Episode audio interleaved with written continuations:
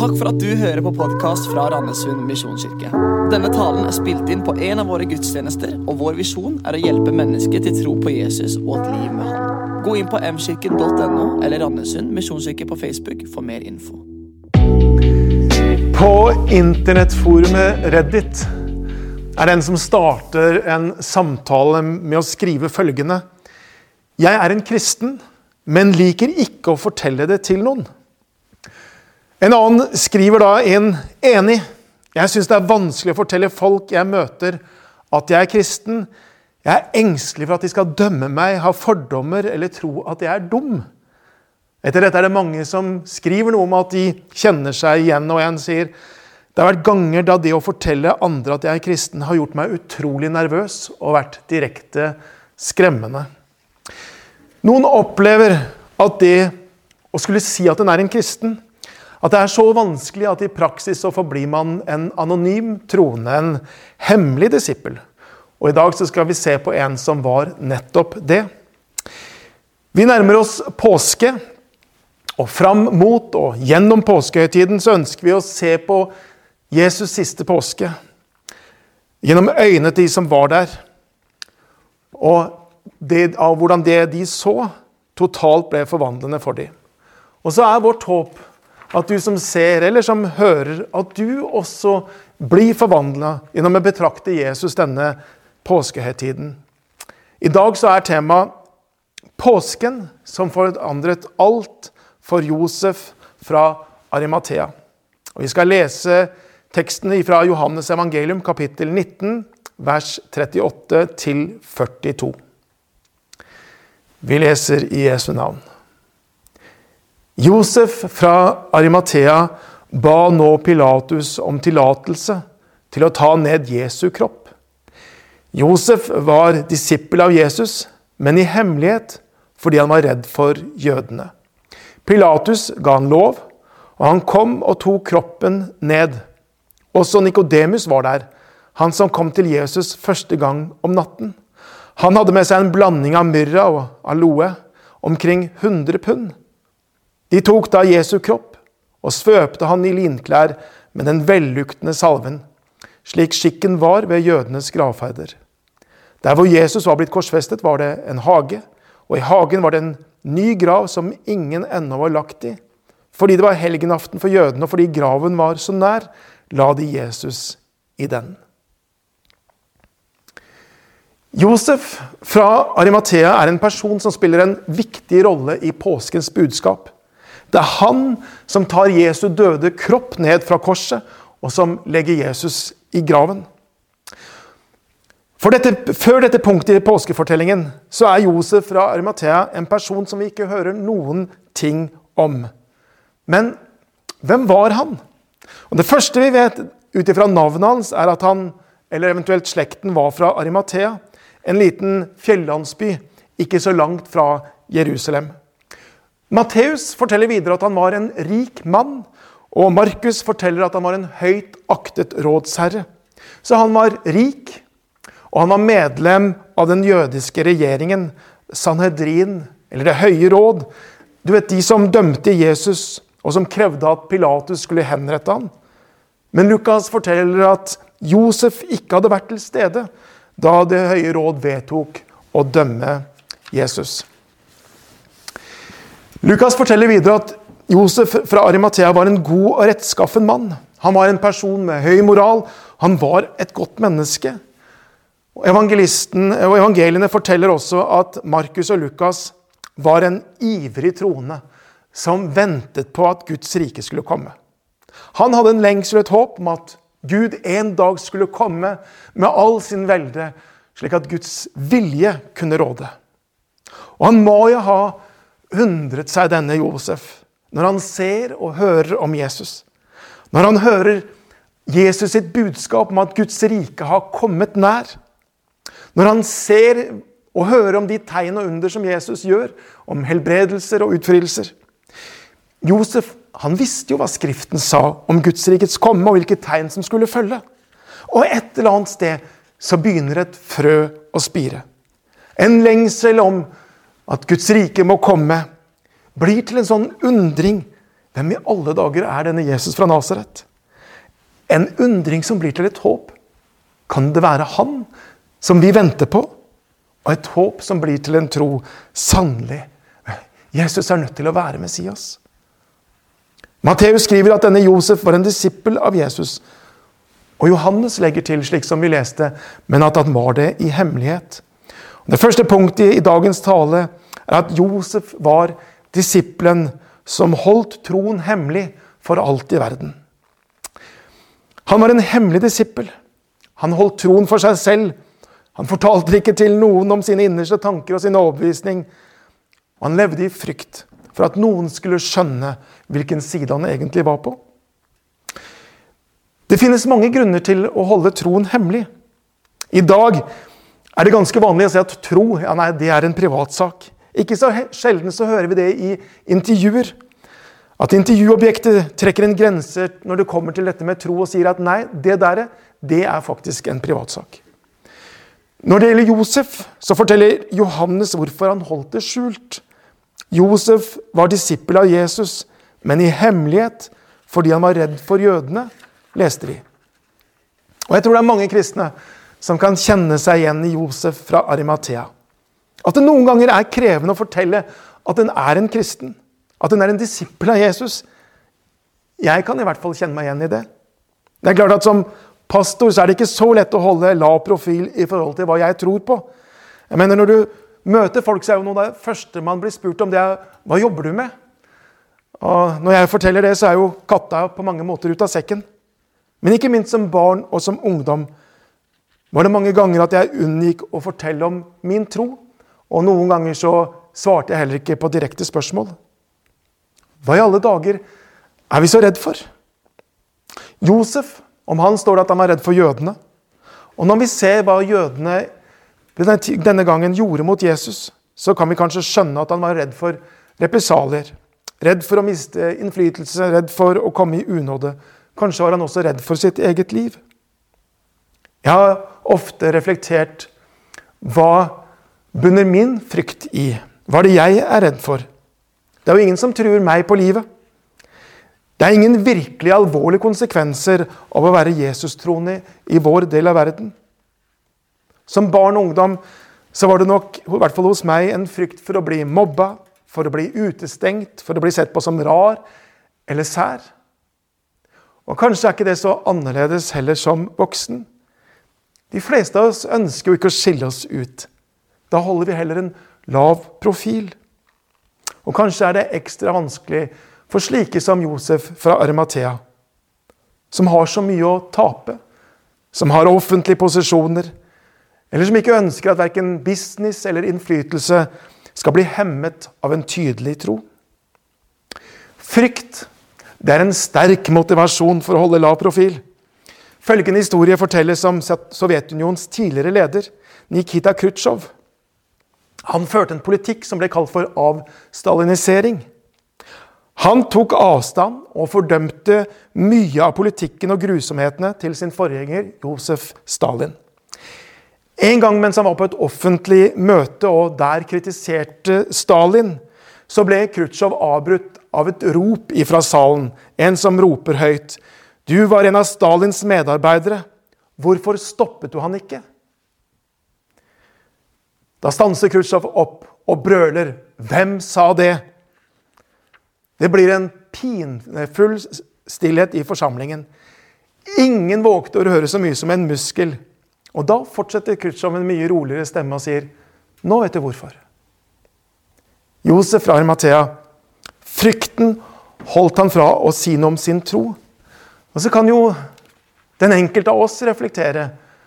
Hvor åpen er jeg om min tro i ulike situasjoner i livet? Om den ikke er så åpen, hva er det i så fall jeg frykter? Men på langfredag denne påsken så ser vi at den rike rådsherren Josef fra Arimathea trer fram som Jesus' disippel. Noe har skjedd inni han som har gjort det umulig lenger å skjule sin tro. Nå har Josef blitt disippelen som gjør troen synlig for all verden. Teologen William Barkley sier et sted En kan ikke forbli en hemmelig disippel så veldig lenge. Enten vil hemmeligholdelsen ødelegge disippelrelasjonen, eller så vil disippelrelasjonen ødelegge hemmeligholdelsen. Og jeg tror det er veldig presist. Å leve med sin tro i skjul kan kanskje fungere et stykke og Det er mange måter, på mange måter, og for veldig mange, nok en del av vandringen mot en tydelig og synlig tro. Men det er i liten grad et blivende sted. Enten så må hun stå for det hun tror på, eller så vil fort troen forvitre og dø.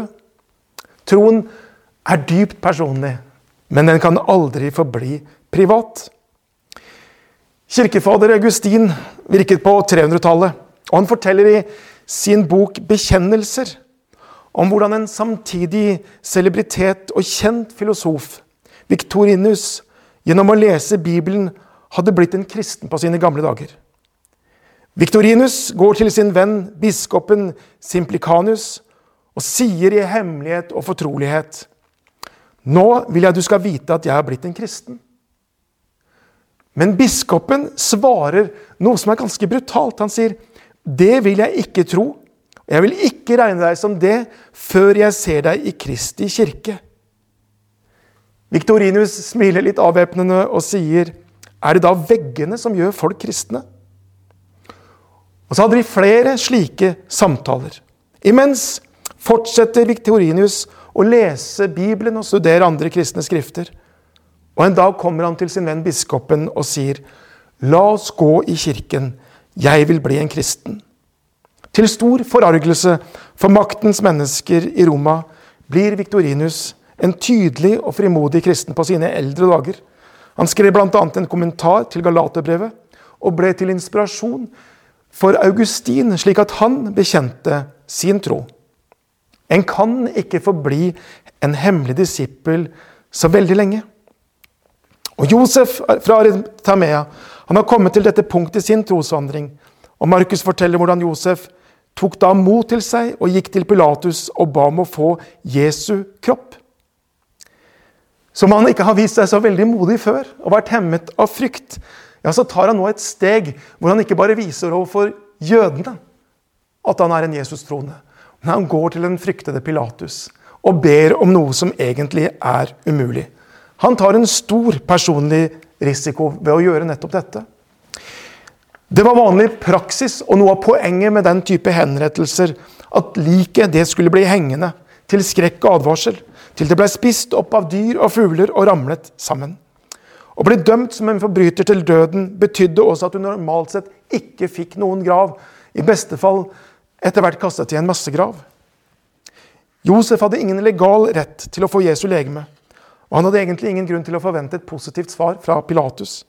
Men Pilatus viser seg her fra en forsonlig side. For etter å få bekreftet at Jesus virkelig er død, så gir han Josef tillatelse til å få Jesu kropp.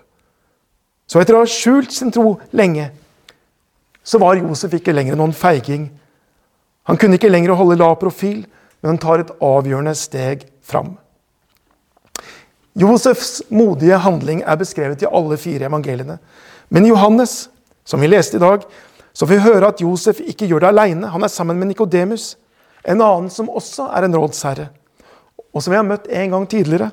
I Johannes evangelium kapittel 3 der står det om Nikodemus at han kom til Jesus om natten. Så i nattens mørke, når ingen kan se, så kommer han til Jesus og samtaler med han. Og så hører vi ikke noe mer om Nikodemus før nå, langfredag. Da trer også han fram. Nå er tiden der også for Nikodemus til å stå fram med sin tro. Alle fire evangeliene har med nettopp disse detaljene. At Jesus blir begravet før sabbatshvilen starter fredag, og at det var Josef som ba Pilatus om Jesu kropp. Jesu begravelse er en viktig del av frelseshistorien. Og er derfor også med i alle de urkirkelige bekjennelser. At Jesus ble begravet, er en tydelig bekreftelse, et bevis på at Jesus var virkelig død. At han ikke bare var bevisstløs eller skinndød. Jesus døde virkelig på korset. Derfor er den tomme gravs vitnesbyrd første påskedag at Jesus har stått opp fra de døde. De disipler som hadde fulgt Jesus mens han vandret her nede, er på dette tidspunktet ikke å se. Vi hører at det var noen kvinner som fulgte med til Jesu grav, men disiplene er tydeligvis ikke i nærheten. Peter hadde kanskje nok med sin egen anger, og de andre er redde. Og så har deres mot svikta, og frykten spredt dem og lammet dem. Men de tidligere hemmelige disiplene, ja, det er de som står fram på dette tidspunktet. Og Josef og Nikodemus de er forbilder for oss i dette å stå frimodig fram for Jesus, koste hva det koste vil. De visste hva de kunne risikere av den romerske myndighetene. De visste hva de kunne vente seg fra det jødiske miljøet. De har mye å tape, fallhøyden er stor, og likevel så er det nettopp disse som går og ber om Jesu legeme. Denne påsken forandret Josef fra å være en disippel som holdt troen hemmelig for alt i verden, til å være en disippel som gjør troen synlig for all verden. Og Et naturlig spørsmål blir jo da hva er det som har skjedd? Hva er det som har skapt denne forandringen i Josef sitt liv? Hva er årsaken til at Josef nå velger helt annerledes enn det han har gjort tidligere? Josef har nok både hørt om Jesus og trolig også både hørt og sett han selv. Han har i det stille, og kanskje på avstand, kunne høre Jesu ord og betrakte det som Jesus gjør. Han har sett hvordan mennesker har blitt helbredet og satt i frihet. Han har hørt hvordan Jesus har undervist med en helt annen autoritet enn noen andre. Og Likevel så har ikke det vært nok til å gjøre han til en åpenlyst disippel. Men nå, på fredag ettermiddag, så er alt forandra. Hva er det som har skjedd? Jo, det som har skjedd, det er korset. Og dette er mitt tredje punkt. Josef blir forandret fordi han ser et kors som forandrer hele hans verden. Ja, faktisk, korset forandrer alt for hele verden. Det er det han har opplevd denne langfredag ettermiddag, som har forandra han fullstendig. Han har sett hvordan Jesus blir pisket, blir hånt og til slutt spikret opp på korset.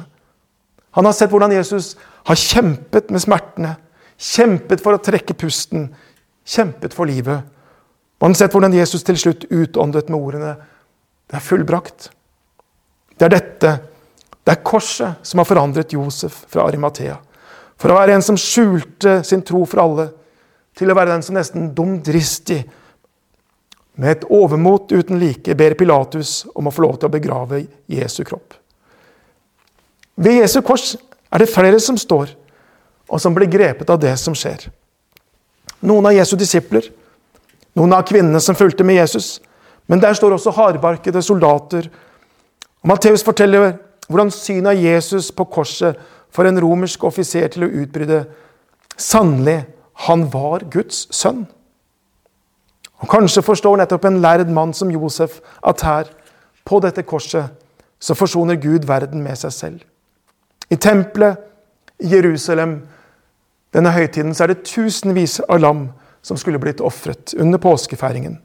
Men her utenfor byen, på Golgata, her henger det virkelige offerlammet. Når Josef ser Jesus på korset, så minnes han kanskje Jesaja sine ord. Han ble såret for våre lovbrudd knust for våre synder. Straffen lå på han. Vi fikk fred. Ved hans hår ble vi helbredet. Og kanskje forstår han at det er nettopp dette som skjer nå på korset. Og Da er Josef ikke bare klar til å tro, men også til å betale prisen for sin tro. Om det så koster han livet. For det er det som skjer når vi virkelig forstår hva Jesus gjør der på korset. Når vi får erfare hva det betyr at han ga sitt liv for oss, ja, da betyr det mer enn noe annet. Josef og Nikodemus har tidligere skjult sin tro. Og de har mistet egentlig muligheten til å følge Jesus, til å sette seg ned ved hans føtter og til å vise for all verden at de er hans disipler. Frykten hadde holdt dem tilbake. Men her nå, etter Jesus sin død, så er det rørende å se den, den kjærlighet som de viser Jesus. Det står hvordan de kjøper inn et stort stykke rent linklede som de skal bruke til å pakke hans kropp inn i. De har også kjøpt kostbar salve, myrra og aloe. 100 pund, dvs. Si 33 kilo med salve. En salve til en verdi av i hvert fall 1 million kroner i dagens verdi. Du kan for øvrig kjøpe myrra på Amazon til en ettersum av 17 dollar og 99 cent for 5 milliliter. Det er dyre saker. Josef og Nikodemus tar Jesu døde kropp forsiktig ned. De smører den mishandlede kroppen inn med kostbar salve. Og Kanskje er det sånn at når de står der, så blander deres egne tårer seg inn med den salven. For det må ha vært utrolig trist. Ikke bare er Jesus død, ikke bare er Messias drept, men de fikk jo aldri muligheten til å vise Jesus at de trodde på ham, at de var hans disipler. Det må ha vært en sorg og en tristhet og vondt på så mange måter. Når de hadde gnidd salven inn, så svøper de kroppen hans i linkledet. Og så legger de Jesu kropp inn i gravhulen, som Matteus lar oss få vite er hugget ut til Josef selv. Og til slutt så ruller det en stor stein foran inngangen. Jesus er begravet. Jesus ble begravet etter jødisk skikk, leste vi. Men det er ingen vanlig begravelse som Josef og Nikodemus gav Jesus. Det var en kongelig begravelse. Jesus ble henrettet på korset. Han fikk en foreders død, men han ble begravet som en konge. Han ble drept som en forbryter, men fikk en begravelse som den kongen han virkelig er. Josef hadde aldri offentlig vist sin kjærlighet til Jesus før, men nå når Jesus er død, så ikke bare viser han sin tro, men han er også villig til å ofre alt, ja, om så livet, for å vise Jesus denne kjærligheten. En av mine favorittsanger om korset er skrevet av Per Juvang. En av tidligere tiders store forkynnere i Misjonsbundet. Den heter 'Når jeg ser min kjære frelser'. Og Et av versene står det slik.: Når jeg ser min kjære frelser, Dø for meg på Golgata. Ser hvor tungt min Herre kjempet, mens for meg han livet ga. Grepet da jeg blir, alt til han jeg gir. Ham, mitt liv, mitt alt, skal ha. Stille kneler jeg ved korset. Takk, o kjære Gud, for Golgata. Og det var dette Josef fra Arimathea fikk erfare denne dagen. Jesus gav sitt liv for meg. Når jeg ser det, så er mitt gjensvar dette. Han, mitt liv, mitt alt, skal ha. Denne påsken, se Jesus. Se Jesus på korset. Se hvordan han kjemper, lider og dør i ditt sted. Og la korset forvandle deg. Om du kjenner deg kanskje litt igjen i denne hemmelige disippelen Josef fra Arimathea, som ligger lavt mange ganger med det du tror på. Kanskje denne påsken skal være da du står fram slik Josef gjorde, og tenker det får koste hva det koste vil. Påsken ikke bare forandret alt for Josef fra Arimathea. Den forandrer også alt for alle som forstår hva påsken er. Amen. La oss be. Stille kneler jeg ved korset. Takk, å kjære Gud, for Golgata. Takk for at du var villig, at du gikk den veien jeg ikke kunne gå. At du ofret det jeg ikke kunne ofre, og betalte den prisen jeg aldri kunne ha betalt.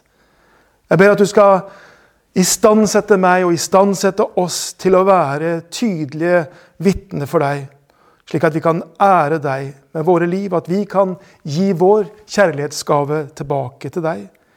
Du, mitt liv, mitt alt, skal ha. Amen.